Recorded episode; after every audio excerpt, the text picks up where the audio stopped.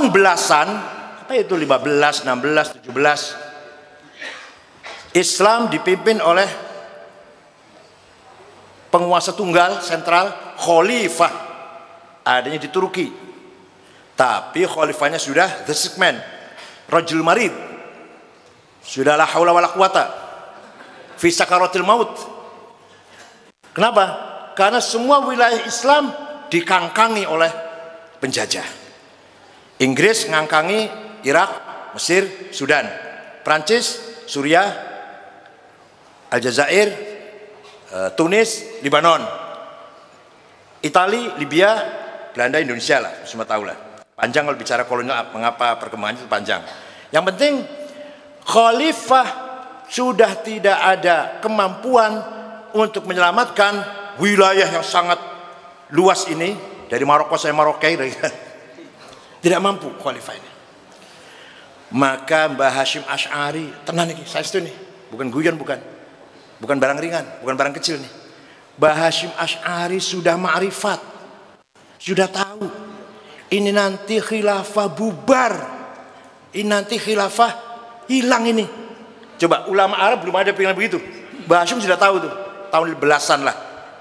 Maka buru-buru cepat-cepat Mbah Hashim mengeluarkan jargon hubbul waton minal iman. Tahun 16 lah kira-kira tuh. Bahwa nasionalisme bagian dari iman.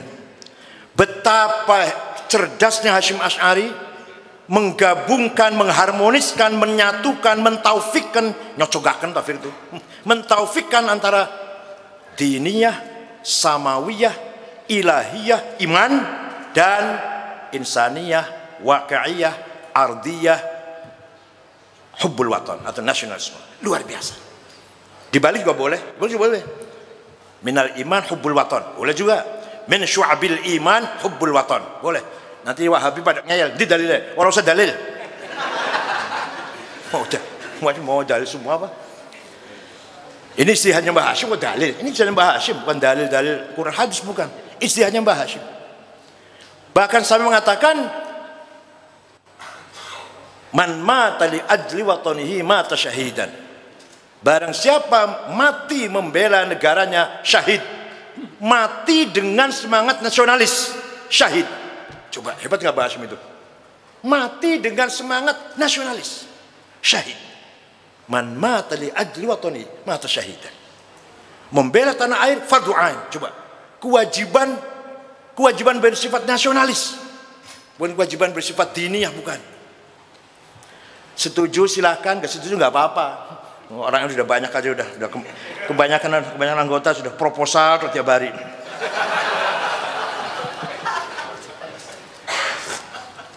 Nah, betul benar tahun 1924 khilafah bubar yang membubarkan seorang tokoh nasionalis sekuler Mustafa Kamal Ataturk deklarasi berdirinya Republik Turki modern nasionalis sekuler.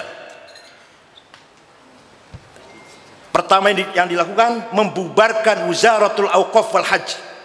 Kementerian Haji Wakaf Menteri Agama lah kalau kita bubar. Tidak ada urusan negara dengan agama atau dengan haji dan wakaf nggak ada urusan. Nama tidak boleh ke Arab-Araban Muhammad nggak boleh Mehmet. Ayub nggak boleh Eop Rojab Toyib nggak boleh Recep Khadijah nggak boleh. Ceci Cetice iya betul. Ada di beberapa masjid pakai bahasa Turki. Sound system dilarang. Gambar-gambar khalifah simbol-simbol khalifah dilarang. Pakai kopiah putih atau gamis boleh dalam masjid. Mau per, uh, keluar dari masjid ditinggal di masjid. Harus celana dan tanpa tanpa apa kopiah atau pakai topi. Sampai segitu. Yang melawan bunuh ada orang di luar masjid pakai gamis pakai kopi, bunuh tangkap. Itu Mustafa Kamal Ataturk oke. Itu Turki. Lah wilayah lainnya gimana? Wilayah bekas wilayahnya khilafah khalifah itu gimana Mesir dan seterusnya ini? Karep karep mukono. Oh bahasa bahasa Inggrisnya apa pasti karep bahasa Inggrisnya apa? Bahasa Inggrisnya ini. Please karep karep mukono. Up to you lah. Dah lepas tahun 25 setahun kemudian pernah ada beberapa ulama kumpul di Al Azhar ingin membalikan lagi khilafah dari India, ya Pakistan lah India itu, dari Saudi, dari belum ada Saudi ya dari Jazirah Arabia, dari Mesir sendiri. Dua hari dua malam diskusi tentang khilafah nggak selesai. Apa kriteria seorang jadi khalifah? Kalau sudah ada, siapa yang eh, kalau sudah ada kriterianya, cara milihnya seperti apa? Kalau dia terpilih, yang akan mengesahkan siapa? Kalau sudah mengesahkan, ibu kotanya di mana? Dia di Mesir. Oh, gitu berarti memindahkan ibu kota dari Selat Bosfor pindah ke Sungai Nil. Ada yang jawab gitu. Walhasil dua hari dua malam, ittafaqu ala alla yattafiqu. Mereka ulama sepakat untuk tidak sepakat. Bubar jalan. Pertemuan dua hari dua malam. Tahun 31 ini ringkas saja nih kalau nggak ringkas 4 semester. Dikira dikira murahan apa? Tahun 31 baru muncul ada seorang ideolog beragama Kristen Ortodok namanya Mitchell Aflaq menantu Golda Meir. Golda Meir itu perdana menteri Israel pertama. Mendirikan partai nasionalis sekuler sosialis namanya Partai Ba'ath dari Damaskus menggembleng pemuda-pemuda Arab agar melawan penjajah dengan semangat nasionalisme. Dari dari Irak Hasan Bakar nanti akan punya anak buah Saddam Hussein, Toya Ramadan, Tariq Aziz, Ibrahim Hamudi. Dari Suriah Abdul Karim Qasim nanti akan dilanjutkan oleh Hafid Asad, Abdul Halim Khaddam, Mualim Sayyid. Dari Mesir Zakaria Muhyiddin akan punya anak buah Muhammad Najib, Jamal Nasir, Anwar Sadat. Dari Aljazair bin Bella nanti akan diteruskan oleh Hawari Bumedian, Syadil bin Jadid, Abdul Aziz bin dari Tunis Haibur Ghaibah, dari Libya Abdul Salam Jalud, nanti akan turun ke Muammar Gaddafi, dari Sudan Ja'far Numeri. Mereka ini adalah kader-kader Ba'ath, nasionalis, sosialis, sekuler. Bukan aktivis Islam. Ya agamanya Islam agamanya. Bahkan mereka tidak setuju menolak kalau agama diorganisir karena menyebabkan konflik. Ini barangkali yang ada di lingkungan istana sekarang ini. Orang usah guyu tenanan nih orang, orang bukan guyon tenan nih Masih. ada beberapa orang yang tidak suka kalau agama diorganisir. Karena alasannya itu menyebabkan mudah konflik. NU Muhammadiyah Alishad itu mudah. Tapi itu mengingkari sejarah. Wong bangsa Indonesia ini lahirnya dari ormas kok sebagai sebagai circle grouping, sebagai circle sosial. Nggak mungkin dah ringkas cerita ini ringkas cerita aja. Orang Islam baru sadar tahun 38 37 akhir 38 baru sadar butuh bikin partai. Lahirlah Ikhwanul Muslimun. Pendirinya seorang ulama ahli sunni sufi bahkan kelahiran Maroko tapi kerja di Mesir Syekh Hasan Al-Banna. Mengkader pemuda-pemuda bikin cabang-cabang juga Sudan, Libya, Syria, Irak, Ikhwan Muslimun, Mu'tadil, Mutawasid, Moderat, Toleran, ajarannya, pegangannya tafsir Ibnu Kathir, pegangan dasarnya itu. Eh, tahun 42 ada aktivis Ikhwan, kalau kita Banser kita lah, membunuh Perdana Menteri. Kalau Banser bakar bendera Muhammad Rasulullah lah kalau membunuh Perdana Menteri Mesir. An-Najrosi namanya waktu itu masih Raja Faruk masih dibawa Inggris. Hasan Banna marah sambil menangis. Bukan begitu yang saya maksud berjuang. Bukan begitu garis besar perjuangan ikhwan muslimun. Bukan begitu kita ini untuk jihad. Kamu bukan membunuh Najrosi kamu membunuh ikhwan. Kamu membunuh saya. Tidak lama tahun 44 satu tahun setengah kemudian Syekh Hasan Banna terbunuh. Hasan Banna terbunuh penggantinya makanya penggantinya Pak Muhammad hati-hati nih penggantinya. apa apa nggak mau ganti-ganti ilah masya Allah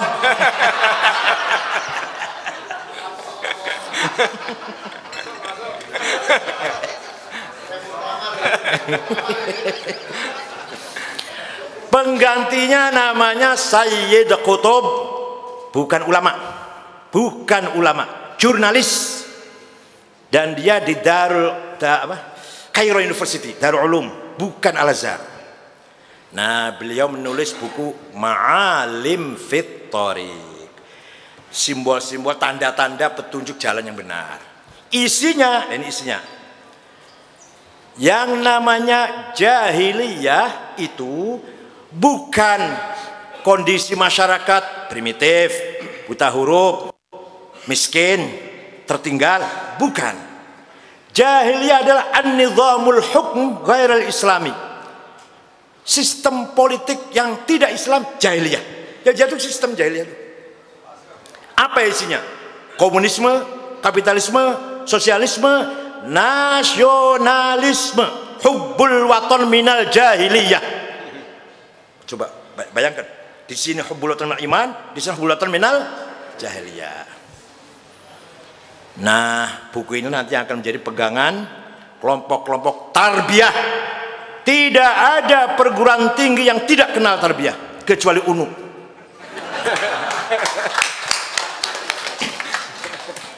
Kalau UNU ada tarbiyah, saya Pak Masum tanggung jawab. Pak Suedi tanggung jawab. Enggak, enggak mungkin. Ya, cuma dia. Ya, pun ada, UN pun ada. Tarbiyah adalah kelompok-kelompok kajian yang mengkaji buku Ma'alim Fit Tariq Said Kutub walaupun mereka nggak begitu paham cuma akhi ukti abi umi liqa tarbiyah murabbi itu aja. Bahasanya itu di jang muarab tenan ya orang isu jane. Dah. Ringkas cerita tahun 65 ikhwan berontak akan membunuh Jamal Nasir. Gagal tangkap bubarkan ikhwan tokoh pusatnya digantung di Square Tahrir, di Tahrir Square, Midan Tahrir. Said Kutub, Al Ashmawi, Zaki Muhandis, Hasan Hudaybi, Umar Tilim Sani digantung. Ulama besarnya itu. Kalau ulama MWC, oh udah banyak dibunuh, nggak ada ceritanya udah. MWC aja. Ini yang pusatnya. Ikhwan dibubarkan tidak mematikan ideologinya. Bahkan lebih keras lagi tahun 69 lahir namanya Jama'atut Takfir wal Hijrah. Pendirinya mantan ikhwan, tapi lebih keras lagi namanya Syukri Ahmad Mustafa. Semua orang kafir kecuali mereka. Pertama kali yang dibunuh, langsung membunuh ini, langsung targetnya membunuh. Pertama kali yang dibunuh, wartawan senior Ahram, Yusuf Sibai. Kedua, Menteri Auqaf, Menteri Haji Wakaf, Menteri Agama kalau kitanya.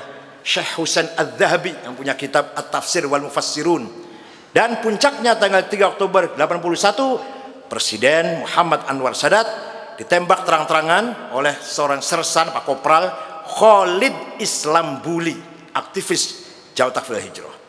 Husni Mubarak naik mereka dibabat berangus ternyata tidak bisa habis. Mereka sembunyi di gunung-gunung di lembah-lembah di gua-gua di Gurun Sinai. Muncul kemarin 6 bulan yang lalu ngebom masjid sholat Jumat 680 jamaah Jumat di kota Rafah provinsi Arish mati semua dan membunuh Syekh Said Ramadan Al-Buti yang sedang ngajar di Damaskus. Itu semua adalah takfiri. Datang Indonesia menjadi namanya Ansarud Daulah Maman Abdurrahman. Tetangga jenengan Caimin As-Sofah Landang Agung. Niki kafe dua tuh kafe dua. Tetangga WD aja nih untung selama jenengan orang tahu di bom Muhammad Abdurrahman yang anak buahnya kemarin menyerang Mako Brimob itu kan sudah daulah. Paling paling radikal teroris nomor satu. Dah ringkas cerita ringkas cerita ini. Gimana cerita dari mana dulu? Ringkas cerita merdekalah Irak Suriah Mesir Sudan Libya Tunis Aljazair merdeka dengan dasar dengan semangat nasionalis sosialis sekuler kalau Hashim Asy'ari tidak. Jangan sampai khilafah bubar, masyarakat Islam Jawi, Jawi itu Nusantara maksudnya, yang hidungnya pesek lah. Ya, hidungnya masyarakat Islam Jawi jangan sampai sekuler. Maka segera menggabungkan antara samawiyah al-iman dan waqi'iyah hubbul watan. Selesai. Hubungan antara agama dan negara bagi NU, bagi Hashim Asy'ari selesai. Dan itu akan diamini oleh ketua Muhammad pendiri Muhammadiyah, pendiri Al Irsyad, siapa? Vokalis Abdurrahman Baswedan, yaitu kakeknya Habib Anies Baswedan. Dan uh, Sulaiman Ar-Rasuli Wasliyah, uh, Abbas Perti, Maulana Zainuddin NW, Ajengan Sanusi PUI, semua akan mengamini Kiai Hashim Ash'ari hubbul waton minal iman. Tidak bisa dipisahkan antara agama yang sakral yang dari langit dengan budaya, kreativitas manusia yaitu terutama nasionalisme. Oleh karena itu sebenarnya kita sudah selesai. Tidak usah bicara lagi masalah hubungan agama dan negara. Mengapa di Timur Tengah sampai sekarang ribut terus? Masalah ini belum selesai, belum tuntas, belum clear hubungan antara agama dan negara. Satu warga negara, satu warga Islam sudah 40 tahun perang sudah satu setengah juta nyawa melayang Irak, Suriah, Libya, Mesir pun masih kadang-kadang meletup, Sudan, sekarang belakangan Yaman. Ini kalau kalau pemerintah Cina nyiksa Uighur ribut semua sedunia ini. Tapi kalau Saudi ngebomin Yaman nggak ada yang ribut ya. kalau virus corona ribut semua, tapi kalau virus onta apa nih? Virus onta Mas, oh nggak ada yang ribut ya, karena dari onta, Masya Allah, dari, dari Mekah penyakitnya. ya, mengapa mereka ribut? Belum pernah selesai, nggak pernah selesai? Karena belum selesai pemahaman, pola pikir, gabungan antara agama dan budaya, antara nasionalisme dan agama. Nah, pemikiran seperti ini datang kemari di bawah kelompok-kelompok kecil itu ingin mengarabisasi atau membawa budaya orang Arab ke sini. Sehingga yang dibicarakan tiap hari teologi terus. Bumi pertiwi musyrik. Ngomong bumi pertiwi itu musyrik. Ngomong apa uh, uh, kepadamu negeri kami berbakti musyrik. Indonesia Raya nggak usah berdiri. Hormat merah putih musyrik. Nah ini kan pemikiran Arab udah ke sini. Alhamdulillah Pak Kuret Syihab, Pak Agil Munawar, saya, Gustur Gusmus pulang dari Arab walaupun 15 tahun bawa ilmu enggak bawa jenggot. Begitu pula yang dari Amerika. Pak Fahri Pak Fahri ya. Australia Pak Jumaji Azro. Amerika, Amerika ya? Pulang tidak bawa budaya Amerika mentang-mentang di Amerika. Oh Pak Sulil lulus nggak dari pulang tetap budaya kita. Kenapa? Karena budaya kita. Awas jangan lupa Thakofah dan hadoroh kita sudah diisi dengan diniyah ilahiyah. Maka thakofah hadoroh kita tidak tidak masalah, sudah selesai. Nah, ringkas cerita.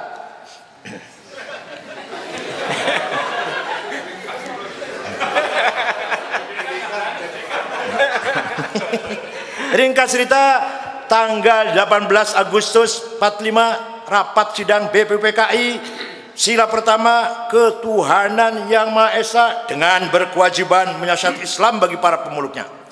Pejuang-pejuang non muslim dari Indonesia Timur berkeberatan kalau dipaksa saya keluar dari NKRI Kiai Wahid Hashim pulang ke Tebireng gitu Pak Sastro ya? Pulang ya? Karena nggak ada WA belum ada WA pulang menghadap Pak Hashim cerita begini-begini Mbah Hashim jawab saya sholat istikharah dulu nanti malam. Besoknya Wahid saya setuju. Piagam Jakarta atau tujuh kata itu dibuang. Saya setuju. Yang penting Indonesia kuat dulu di atas negara yang kuat itulah kita dakwah.